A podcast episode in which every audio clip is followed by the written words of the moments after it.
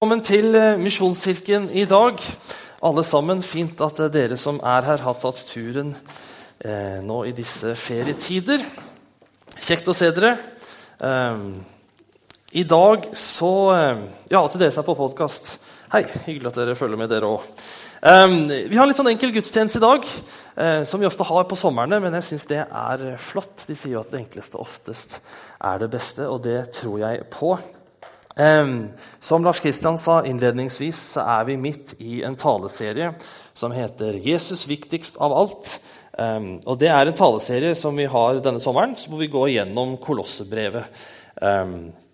Um, og dette Brevet er da skrevet av uh, Paulus til en menighet i en by som heter Kolossa. Eller het Kolossa. Den fins ikke nå lenger. Paulus hadde aldri vært i denne menigheten, men han kjente godt til en av lederne der. Epafras het han. Um, og denne menigheten var truet av vranglære.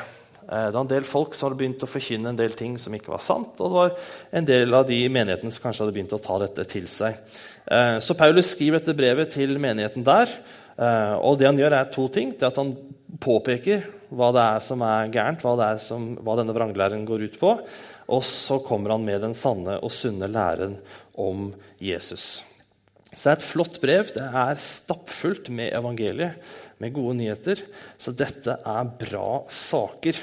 Eh, dagens tekst det er hentet fra Kolossebrevet kapittel 2, vers 6-15. Og jeg har kalt denne talen for 'Aldri den samme igjen'.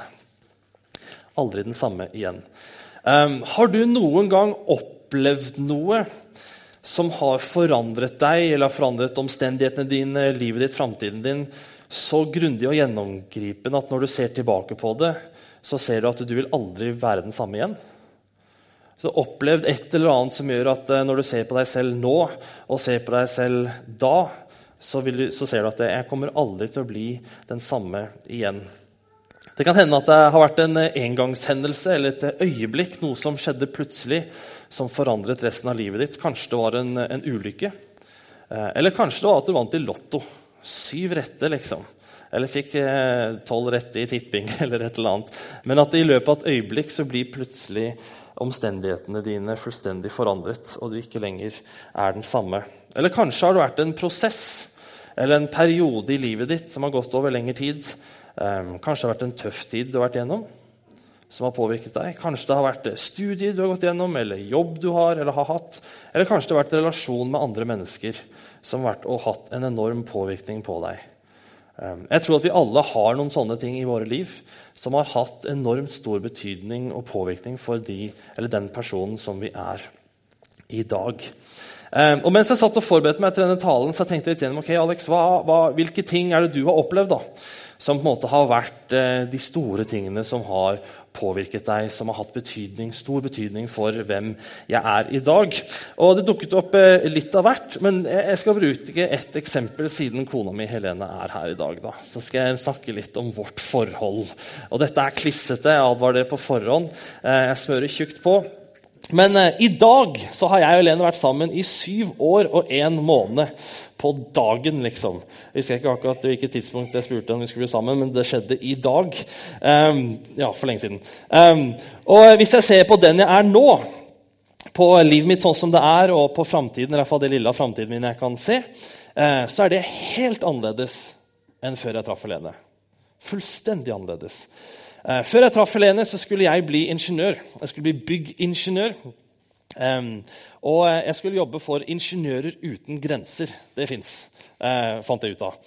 For jeg skulle ikke bli lege, og jeg ville jobbe for Lege uten grenser. og da ble det litt vanskelig. Så, så da liksom skulle jeg bli ingeniør, for, for det jeg trodde at jeg kunne. Og skulle jobbe for Ingeniører uten grenser, og jeg skulle jobbe i Afrika. Og jeg skulle bygge sykehus og skoler for fattige folk. Det var liksom min livsplan. Jeg skulle aldri gifte meg. Og Jeg skulle heller aldri få barn, men jeg skulle liksom være han kule onkel med alle disse fantastiske historiene fra min tid i Afrika. Um, det var liksom 19 år gamle meg. da, sant? Russen siste år på videregående. Det var det livet jeg så for meg. Og det er det jeg planla for. Eh, jeg gikk på musikklinja på videregående, så jeg fikk liksom ikke så mye realfag. Så jeg skulle ta ett år på forkurs til ingeniørstudiet på UiA i Grimstad. Det var liksom min plan. Um, men så traff 19 år gamle meg Helene. Og da tok eh, hele livet mitt en ny og fullstendig annen, eh, og jeg burde helt sikkert si mye bedre eh, retning. Hvis ikke jeg hadde truffet Helene, så hadde jeg nok aldri gått på Ansgar bibelskole i Kristiansand og tatt et år der. Og Hvis ikke jeg hadde gått et år på Ansgar bibelskole i Kristiansand, så hadde jeg nok heller ikke tatt eh, tre år og det som har blitt fire og nesten et halvt år med teologistudier eh, på høyskolen der. Og Hvis jeg ikke hadde gjort det, så hadde jeg sannsynligvis aldri eh, trett inn i en pastortjeneste. Og hvis jeg ikke hadde gjort det, så hadde jeg sannsynligvis aldri flyttet hit til Stavanger eh, og begynt eh, å blitt en del av denne menigheten. Og Hvis ikke jeg hadde truffet Helene, så hadde vi aldri gifta oss. Og hvis ikke jeg hadde truffet Helene, så hadde vi aldri, aldri venta barn nå i august. Neste måned Huh. ja. I en tidligere tale så, så, ba jeg liksom alle mannfolk om å komme med råd til meg etter talen. Uh, og et av de eneste jeg fikk, det var en kar som kom og klappa meg på skulderen og sa lykke til. uh, så takk for den. Um, men, uh, men, det er ikke tvil om at det å ha blitt sammen med Helene og den tiden som vi har vært sammen, det har hatt enorm betydning for hvem jeg er, hvor jeg er, hva jeg holder på med, hva jeg driver med, hvilke verdier jeg har, familien min og ikke minst framtiden min. Og det, det, er klart det har vært veldig mange andre faktorer også som har spilt inn på disse valgene og på disse omstendighetene. Eh, vi skal på ingen måte glemme Gud heller. Eh, men det er ikke tvil om at Helene har hatt enorm betydning for hvem jeg er. Har dere opplevd noe sånt? Noe som har vært så på en måte gjennomgripende og forandrende eh, at du ikke er den samme lenger? Nå lurer du kanskje på hva i verden dette har med Paulus og kolosserne og Jesus å gjøre. Men i de versene, altså kapittel 2, vers 6-15, så er det dette Paulus skriver om. Han skriver til eh, menigheten i Kolosserne. Dette er da mennesker som er kristne, altså Jesus-troende mennesker. Um, og Han sier at dere kommer aldri til å bli den samme som dere var før dere traff Jesus, som nå, når dere tror på han. Dere kommer aldri til å bli den samme. Og han har I løpet av disse få versene så har han fire beskrivelser på liksom denne forandringen. Da. Han beskriver denne forandringen på fire forskjellige måter.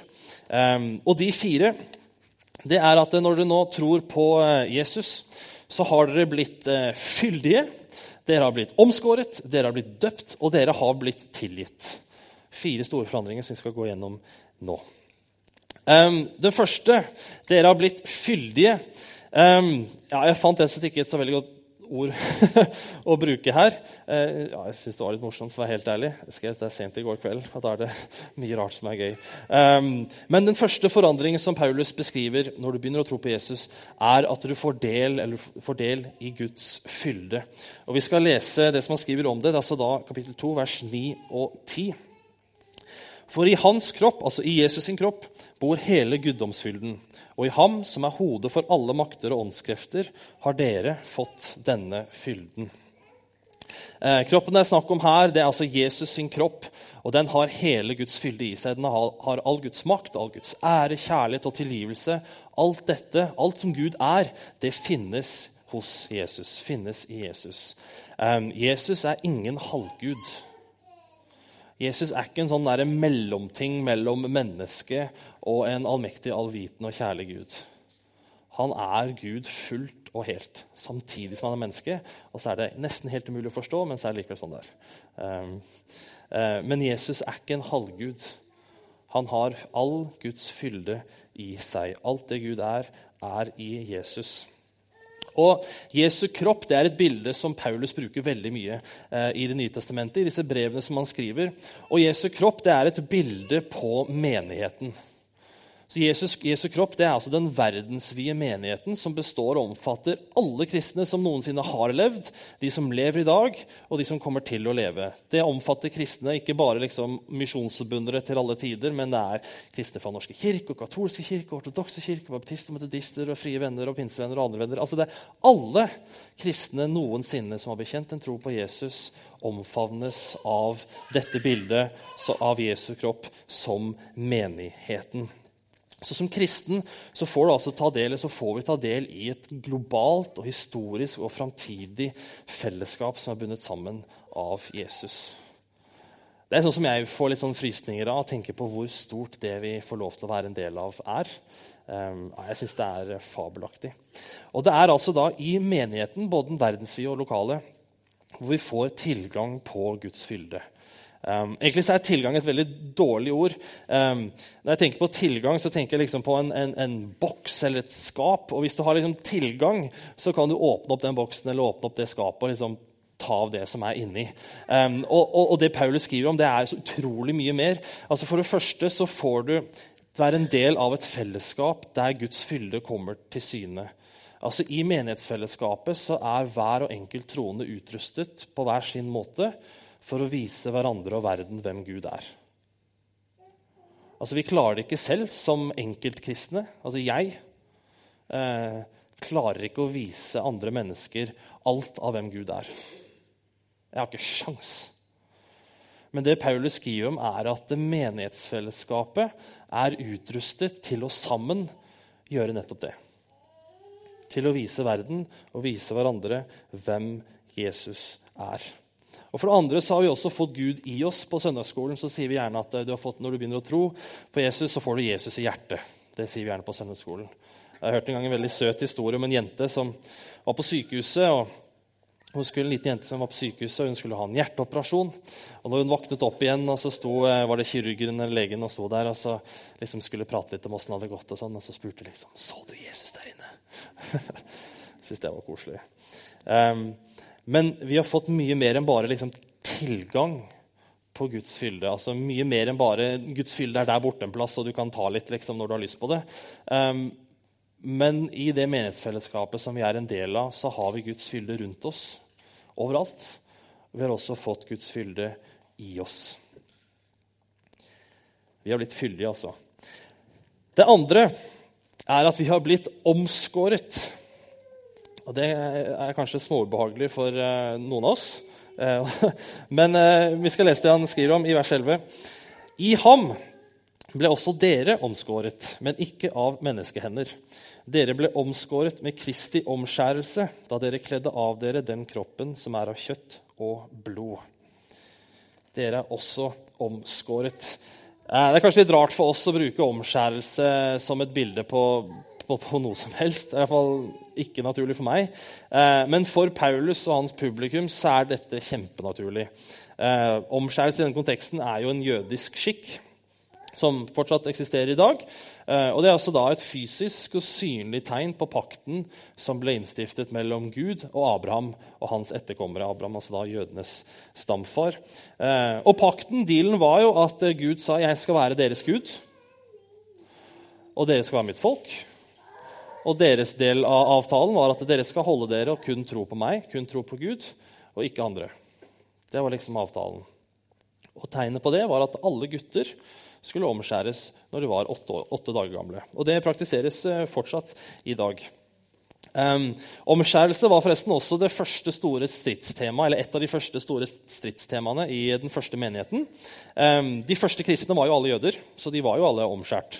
Um, men etter hvert så ble det, var det noen hedninger, altså ikke-jøder, som ble kristne. Og da var det noen av disiplene som reiste spørsmålet må disse også bli omskjært. Altså, Nå har de blitt kristne, nå må jo de bli som oss og bli som Jesus. Han var jo også omskjært. Eh, må vi liksom gjøre det på de òg? Eh, og det de landa på, var at nei, det, det trenger de ikke, da. Heldigvis. Eh, så vi slipper unna det. Men det Paulus skriver om her, at alle kristne er omskåret. Også vi som er hedningkristne, altså ikke-jødiske kristne. Eh, men den omskjærelsen som, som, vi har fått, er ikke fysisk. Eh, omskjærelse det er å skjære vekk noe. Og det som skjæres vekk, det er, eller legges vekk, det er det gamle mennesket, den jeg var før jeg traff Jesus. Eh, og Paulus beskriver dette som kroppen som kjøttet har makten over. Eh, og det er altså liksom det jeget som bare er styrt av eh, mine lyster, mine ønsker, mine verdier, mine drømmer, mine visjoner og min vilje. Det er en kropp som kjøttet har makten over. Det er et jeg som kun er styrt av meg. Um, og det Paulus skriver, er at i omskjærelsen som vi får i Jesus, så blir dette lagt vekk. Dette blir lagt bort. Det kles av. Og vi får nå følge i Guds fotspor og følge hans gode vilje. Som kristne legges det gamle livet bak oss, og vi får en ny start og kan stake ut en ny kurs sammen med Jesus.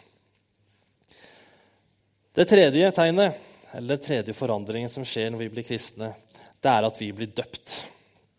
Um, det Paulus skriver her, er For i dåpen ble dere begravet med ham, begravet med Jesus altså, og i den ble dere også, oppreist, også reist opp med ham ved troen på Guds kraft, han som reiste Kristus opp fra de døde. Um, når Paulus skriver dette brevet her, så er um, omvendelse og dråp, altså det å komme til tro på Jesus og dåp, det er nesten uløselig knytta sammen. Um, for Paulus er det en selvfølge at uh, tror du på Jesus, så er du døpt. Derfor skriver han til denne menigheten, som består av kristne mennesker, og sier at uh, dere har jo blitt døpt. For at sannsynligvis hadde nok alle sammen blitt det. Uh, og det var sånn også i den første menighet at så snart mennesker kom til tro, så ble de også døpt. Eh, det er en fortelling i Apostlenes gjerninger om en av disiplene, Philip, som treffer eller Han er ute og, og eh, Om han rir på et esel, eller husker jeg ikke helt, men er ute og går i hvert fall, og, eh, Så treffer han på en etiopisk hoffmann. Så kommer de i prat. Og Så begynner etter hvert Philip å fortelle litt om Jesus. og Han etiopiske hoffmannen har noen spørsmål. og Så blir det en samtale ut av det her. Og Så ender det opp med at den etiopiske hoffmannen tar imot Jesus og blir en troende. Og det De gjør da er at de, går, altså de finner det nærmeste vannet, det første vannet de finner, og så døper Philip den etiopiske hoffmannen.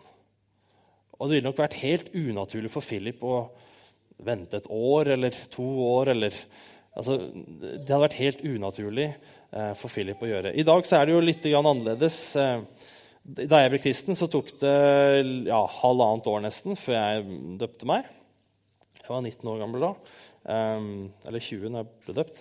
Um, det er liksom litt vanligere i dag nok at det går en del tid fra man blir kristen til man døpes, hvis man, hvis man voksendøpes eller døpes som troende. Eh, men når Paulus skriver dette her, så er det altså da tror du, så er du døpt. Og det Han bruker som bilde her, eller han bruker da dåpen som bilde eh, på først en begravelse. Altså, Vi er begravet med Kristus. All vår synd, alt det gale vi har gjort og tenkt og følt, det er nå lagt dødt. Det er ferdig. Når Jesus døde på korset, tok han alt dette på seg. Han tok det med seg ned i graven, og der skulle det bli. Det skulle ikke lenger holdes mot oss, men det var begravet. Og I dåpen så blir man jo reist opp av vannet igjen. Prøver å huske på det her i Misjonskirka. Ehm, og Jesus sto jo også opp igjen. Og det symboliserer at vi er oppreist med Kristus. All vår synd, all vår skyld, det er begravet, det er borte, det holdes ikke mot oss og vi er nå reist opp til et nytt liv sammen med ham. Som kristne så er vi døpt til et nytt liv med Jesus. Den fjerde og siste forandringen som Paulus tar for seg i disse versene, det er at eh, vi er nå tilgitt. Altså Tror du på Jesus, så er du tilgitt. Um, vi var døde, skriver Paulus. Jeg skal lese det her. Dere var døde pga. misgjerningene og deres uomskårne kjøtt og blod. Men han gjorde dere levende sammen med Kristus da han tilga oss alle våre misgjerninger. Dere var døde, skriver Paulus. Altså Som syndige mennesker, eller som mennesker generelt, og vi er jo syndige, så skal vi en dag stå til regnskap for det vi har gjort. Um, og det kan være fryktelig skremmende å tenke på. At en dag så skal jeg stå foran Gud og så skal jeg stå til regnskap for absolutt alt jeg har gjort, tenkt og følt i hele mitt liv. Og eh, Du trenger ikke å kjenne meg godt for å vite at eh, den dommen går ikke i min favør. Eh, jeg kommer ikke spesielt godt ut av det møtet. Men det Paulus sier, er at Gud har gjort oss levende. altså I troen på Jesus så har Gud gjort oss levende ved å tilgi oss alt det som vi har gjort galt, tenkt, følt som har vært feil, som har vært mot hans vilje. Og når vi blir tilgitt, og vi da står regn til regnskap for alt det vi har gjort, så er det ikke lenger noe å dømme oss for.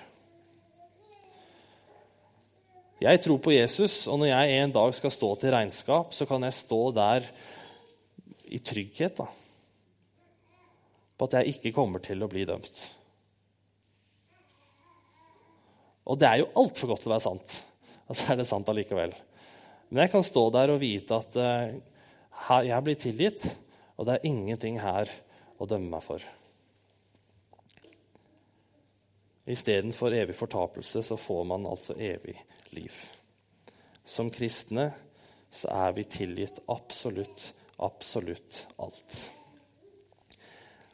Um, å tro på Jesus det er uh, utrolig mye mer enn et valg eller en avgjørelse. Det er det også. Det er utrolig mye mer enn følelser og mer enn form og uttrykk. Det er mer enn regler og rett og galt. Det er mer enn menighet og søndagsskole og gudstjeneste. Det er mer enn livsførsel, det er mer enn etikk og moral. Men det er også en del av det, eller det er også en del av det å tro. Men å tro på Jesus er det mest sånn gjennomgripe og fundamentale forandringen du kan gå gjennom. Og du vil aldri bli den samme igjen. For du har fått hele Guds fylde i og rundt deg. Det gamle jeget ditt som bare ble styrt av ditt eget, det er skåret vekk, og vi kan nå følge Guds vilje. All vår synd har blitt begravet og blitt reist opp til et nytt liv sammen med Jesus.